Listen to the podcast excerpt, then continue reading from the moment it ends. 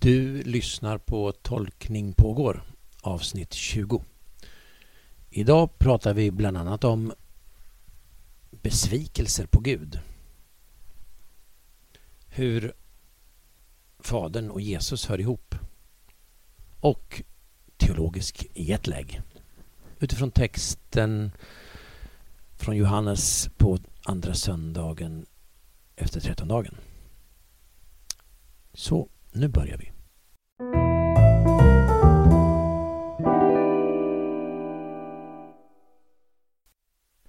Hej alla! Välkomna till Tolkning pågår. En teologipodd för dig som vill delta i tolkande samtal och för dig som vill få inspiration i predikoförberedelsen. Om det här är första gången du lyssnar så tack för att du har tittat in. Den här podden släpps varje måndag och du kan läsa om varje avsnitt på tolkningpagar.blogspot.se. Lyssna kan du också göra på iTunes eller Acast och vi finns förstås på Facebook. Alla länkar och all information du behöver finns på hemsidan. Nu sätter vi igång med samtalet. Så idag är det jag, Anders Blomqvist, som sitter här och tolkar tillsammans med Anna Nilsson. Den här gången utgår vårt samtal från en text från Johannes evangeliet som är tredje årgångens text, evangelietext för andra söndagen efter trettondagen. Det är Johannes evangeliets femte kapitel och sen är det verserna 31 till och med 36. Anna, kan du läsa den? Eller vill du läsa den? Jag kan läsa. Jesus sa om jag själv vittnar om mig är mitt vittnesbörd inte giltigt. Men det är en annan som vittnar om mig och jag vet att hans vittnesbörd om mig är giltigt. Ni har sänt bud till Johannes och han har vittnat för sanningen. Jag vill inte ha något vittnesbörd om mig från någon människa, men jag säger detta för att ni ska bli räddade. Johannes var en lampa som brann och lyste och en kort tid hänfördes ni av hans ljus. Men jag har fått ett starkare vittnesbörd än det Johannes gav. Ty det verk som Fadern har gett mig i uppdrag att fullborda, just det som jag utför, vittnar om att Fadern har sänt mig. Tack. Jag vill inte vittna om dig, eh, Anna, men, eh, och berätta vem du är. Men kan du kort berätta vem du är, Anna? Jag är präst i Uxie kyrka. Jag är barn och familjepräst. Och ja, människa som bor här på jorden.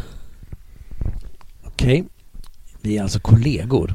Egentligen skulle det ha suttit en annan tolkare mitt emot mig idag, nämligen Tommy.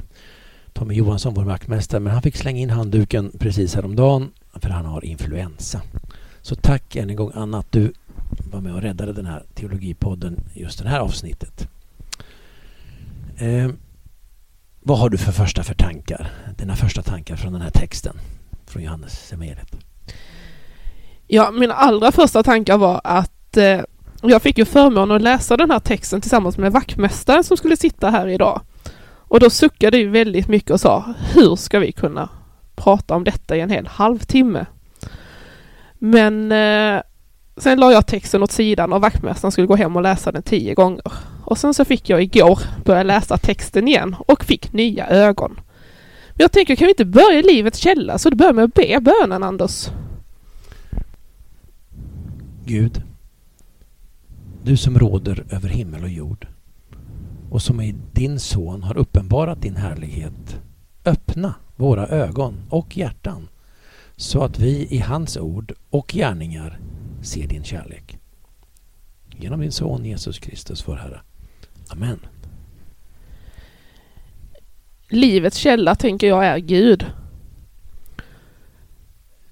Och Jesus föddes ju som människa, det har vi ju precis firat i julen och våra ortodoxa syskon firade ju det nu i fredags. Mm. Och eh, Jesus blev ju människa, men Jesus är ju också livets källa. Eh, han är ju både och. Det är ju fascinerande. Men jag fastnar väldigt mycket för den här äh, textraderna i evangeliet. Jag vill inte ha något vittnesbörd om mig från någon människa. Men jag säger detta för att ni ska bli räddade. Okej. Och eh, här tänker jag på ordet besvikelse. Mhm. Eh, jag har eh, under mina lediga dagar läst en teologisk bok som heter Mörkerseende när du är besviken på Gud Okej. av Filip Jansi. Jag vet inte hur han uttalar sitt efternamn. Men... eh, Och då börjar jag tänka på detta med besvikelse. Kan det vara som så att eh, Jesus inte vill att vi ska vittna det första vi gör om honom för att vi inte ska bli besvikna? När vi är i den stora glädjen efter allt som Gud eller Jesus har gjort mot oss. För om man läser raderna före i eh, kapitlet Mm. så handlar det om den lame mannen som inte kan ta sig ner till sjön. Just det. Eller Betesda-dammen där ja. Ja, Mm. Och... Eh, men han blir ju helad av Jesus. Mm. Men han ska ju inte springa runt och berätta det för allt och alla. För jag tänker att eh, alla som kommer gå där, de har kanske svårt att vara glada för han mannen. För de kanske ser till alla andra hundratals människor som ligger där och inte blir helade. Okej. Man kanske ser besvikelserna istället för glädjen. Och då kanske man inte det första man ska göra gå ut och eh, vittna och vara jätteglad för allt man har sett eller upplevt i våra möten med Jesus. Utan eh, vi kanske ska behålla det för oss själva för att inte uppleva den här besvikelsen från andra utan bära på glädjen själva ett tag innan vi börjar vittna om Jesus. Istället för att kasta pärlor på svinen som man med ett ordspråk brukar säga ibland. Okej. Det var en spännande öppning. Jag blir lite... Eh, så här kan vi också börja. För mig, när jag läste den här texten och läste om texten och läste om texten igen så hade jag svårt att få en ingång i den. Jag tycker inte alls det handlar om eh, livets källa. Det bara hindrar mig. Det handlar mest, först om juridik, om att eh, vittna och tänka på den eh, juridiska biten med eh, att det måste vara två vittnen som ställer upp för någon annan och kan säga att det, det var så han gjorde eller det var så hon gjorde. Kvinnan som de kallade för äktenskapsbryterskan till exempel. Två stycken såg henne vara där. Eller andra, det måste vara bibliskt, två stycken som är vittnen på, på en händelse. Inte jag själv. Man kan inte lita på sig själv i juridiskt hänseende. Först blir det en juridisk text för mig. Och sen handlar det också om vem Jesus är. Vem är Jesus? Eh, där, det blir väldigt mycket med Johannes evangeliets jag och Fadern. De två håller på. Att de tillsammans kan vi säga bildar någon slags eh, relation som kommer fram så tydligt genom hela Johannes evangeliet. Och i det här avsnittet så, så är det enda, enda som gäller för Jesus är att det enda som är fad, Fadern kan ändå vittna. Tydligen vittnade han då vid dopet genom molnet på något sätt om man minns det. Du min älskade son, lyssna till honom eller något sånt där sa han ju när Johannes döparen han döpte honom i Jordan. Men för mig är det, jag kommer precis från en, också en resa. Och jag har jetlag nu. Det blir som ett teologiskt jetlag för mig här. Det, det säger mig ingenting. Jag, jag, är, jag är liksom i en bubbla. Ehm, det, det, det tilltalar mig inte. Jag blir inte berörd av den här Johannes-snutten. De här fem verserna. Eh, om jag inte går in djupare. Vem är Jesus för mig? Alltså, kan jag vittna om Jesus? Kan jag vittna om Gud? Vem är Gud för mig? Vem är Jesus för mig i den här texten då? Johannes gjorde ju mycket eh, och pekade till slut på, eh, på Jesus. Hans gamla lärjungar var ute i öknen och han var som en profet, en, en, en lampa som brann och lyste en kort tid. Och sen kommer då pekandet, där är Guds lamm. Minns du det? Han, han säger, där är Guds lamm. Och så blir det ju, Andreas kommer som en lärjunge då, även till Jesus. Men för mig då blir det en stor fråga. Vem är Jesus för mig? Han själv vill inte ha vittnesbörd från någon människa utan bara genom relationen med, med, med Fadern, med Gud. Där någonstans äh, kommer jag nu in i, i texten. Är Jesus livets källa för dig? Ja, ibland. Framförallt är det då gott med den tillit, den eh, nästan barnatron som jag har kvar. Att Gud finns med mig i Jesus jämt. Och, den, och, och, och, Jesus finns med mig som en kraft, som en källa, som en samtalspartner varje dag. Så visst kan det vara en källa. Eh, mm, absolut, ja. Själv då? Absolut så tänker jag att eh, Jesus är livets källa och att eh, det är en tröst att få veta att Jesus går sidan om en hela tiden. Och en tröst att få veta om att Gud blev människa och fick uppleva allt som Gud fick uppleva och eh, veta att eh, Gud har alltid haft det värre än oss människor så Gud kan alltid veta hur vi har det. Så det finns mm. alltid någon som vet hur vi har det. Och att eh, i det, i livet, så strömmar Guds kärlek till oss och vi får lov att andas in den i varje andetag. Eh, och på det sättet blir Jesus livets källa. Men gå, återgå till den här eh, spännande tanken om besvikelsen. Ja. Är du, är du besviken ibland på Gud och på Jesus? Absolut är jag det. Och jag kan vara jättebesviken också. Och arg och okay. ilsken. Ja. Uh, och det är ju framförallt de delarna av livet när livet inte är så lätt. Och uh, allt går emot en och inget blir som man har tänkt sig. Mm. Uh, och då är det så skönt att få vara arg och besviken på Gud. Och det är så skönt att få läsa en teologisk bok som handlar bara om det. Mm. Att eh, det är fler än jag som har varit det. Och att det är ganska många i Bibeln som också har varit besvikna på eh, Gud. Mm. Vi kan ju som bara se på Sara och Abraham. De fick ju veta att de skulle få barn. Sen dröjde det ju faslig massa år innan de överhuvudtaget fick några barn och där måste de ju ha blivit varit väldigt besvikna på Gud under tiden. De skulle bli talrika men eh, ja, ja, när de närmade sig 90 så eh, kom det någon och sa att ja men nu ska Sara bli havande. Ja men det kan ju inte gå. Mm. Återigen kanske man blev besviken men sen så lyckades det ju. Eh, så även om vi har besvikelser och kan vara besvikna på Gud så tror jag att Gud ändå i slutändan kan hjälpa oss förbi de här besvikelserna men kanske inte på det sättet som vi tänker oss. Mm.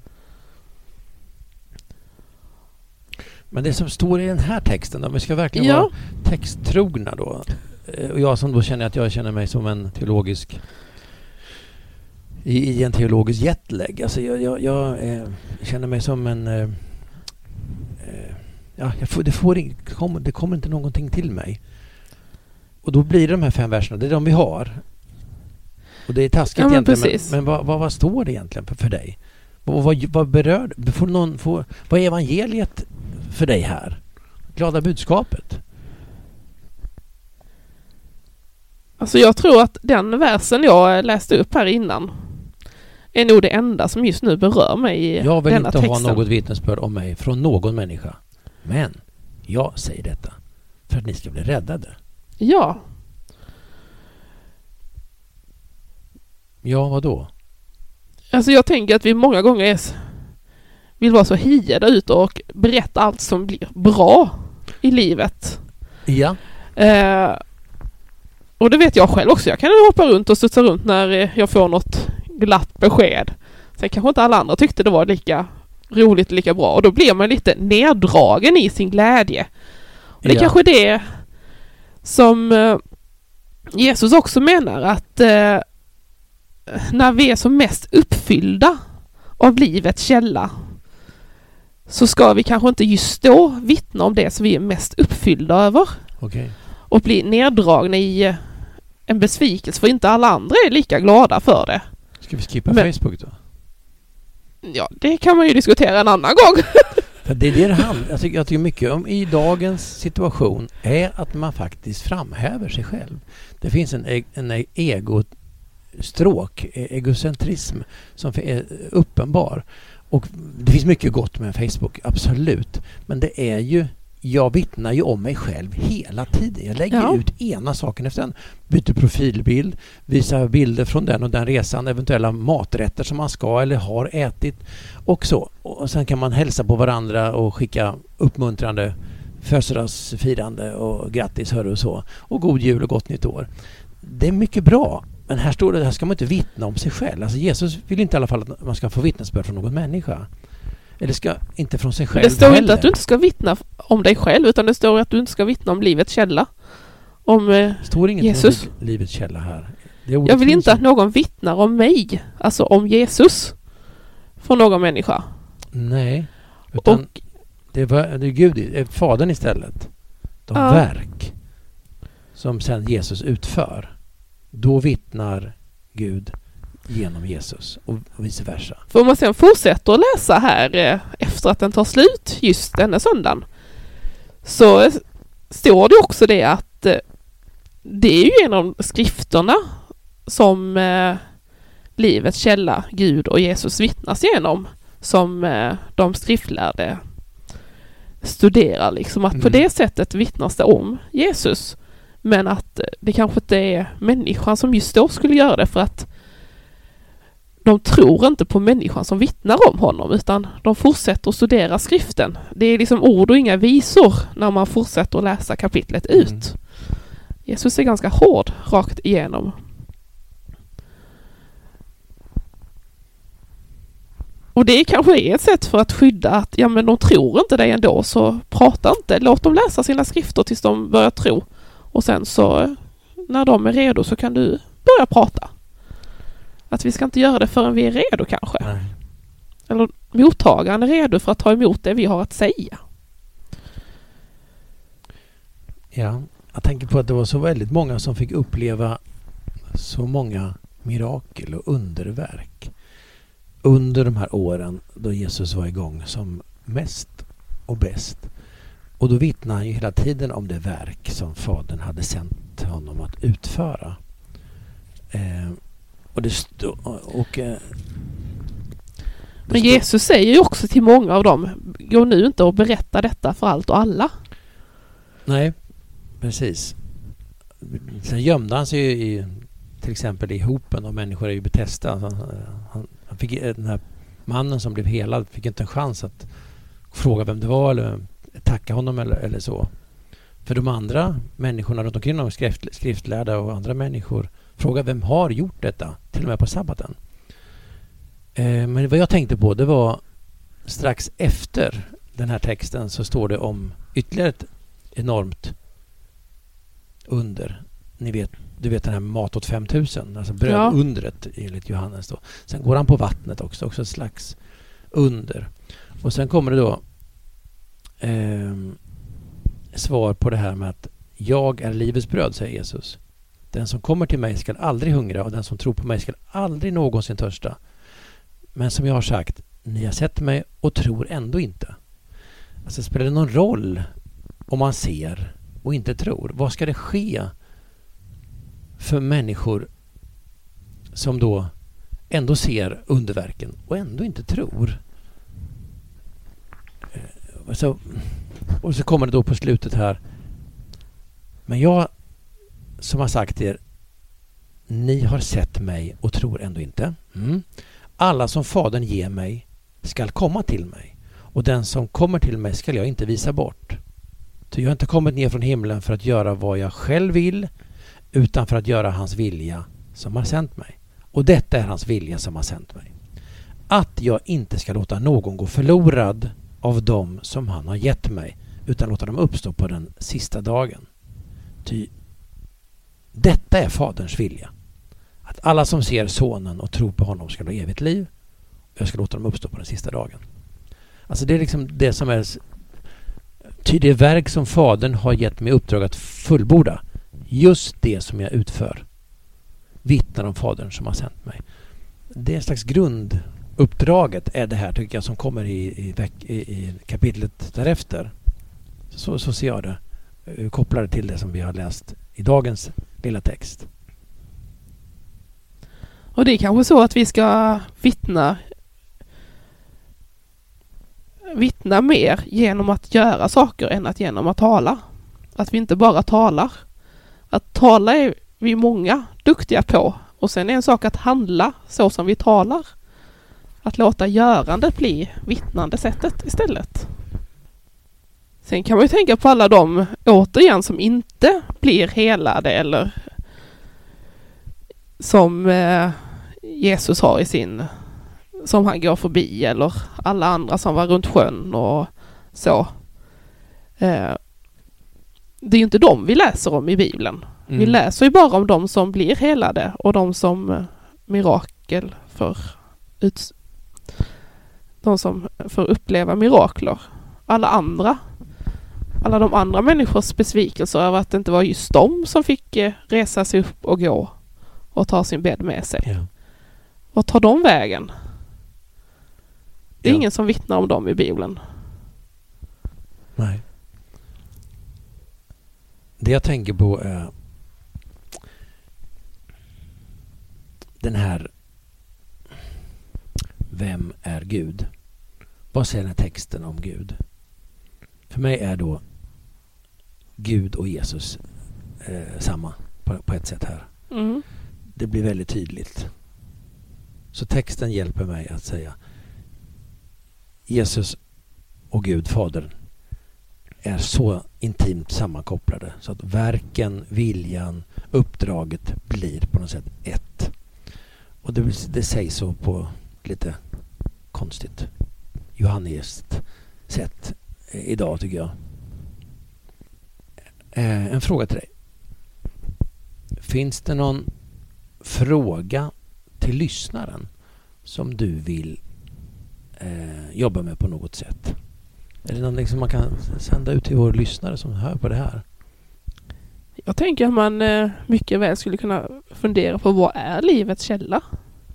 Mm. Att man går tillbaka till temat för söndagen. Vad är livets källa? Och eh, hur ter sig livets källa i ditt liv? Eh, vad betyder det och hur ser livets källa ut?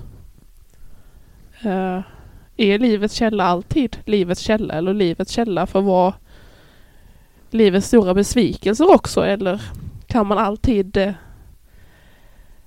äta och dricka sig mätt i livets källa? Är det någonting som du vill tillägga innan vi avrundar vårt samtal? Jag tycker det har varit ett spännande samtal på en text som jag inte visste vad den skulle föra oss. Som är väldigt svår. Johannes är ju väldigt svår att förstå sig på då och då liksom. Och här är ett av de exemplen där han är väldigt svår att förstå sig på. Ja, det, det, det är för mig måste man läsa in mycket mer av Johannes än de här fem verserna. Eh, lite svårt för mig idag. Men tack eh, Anna. Tack så mycket.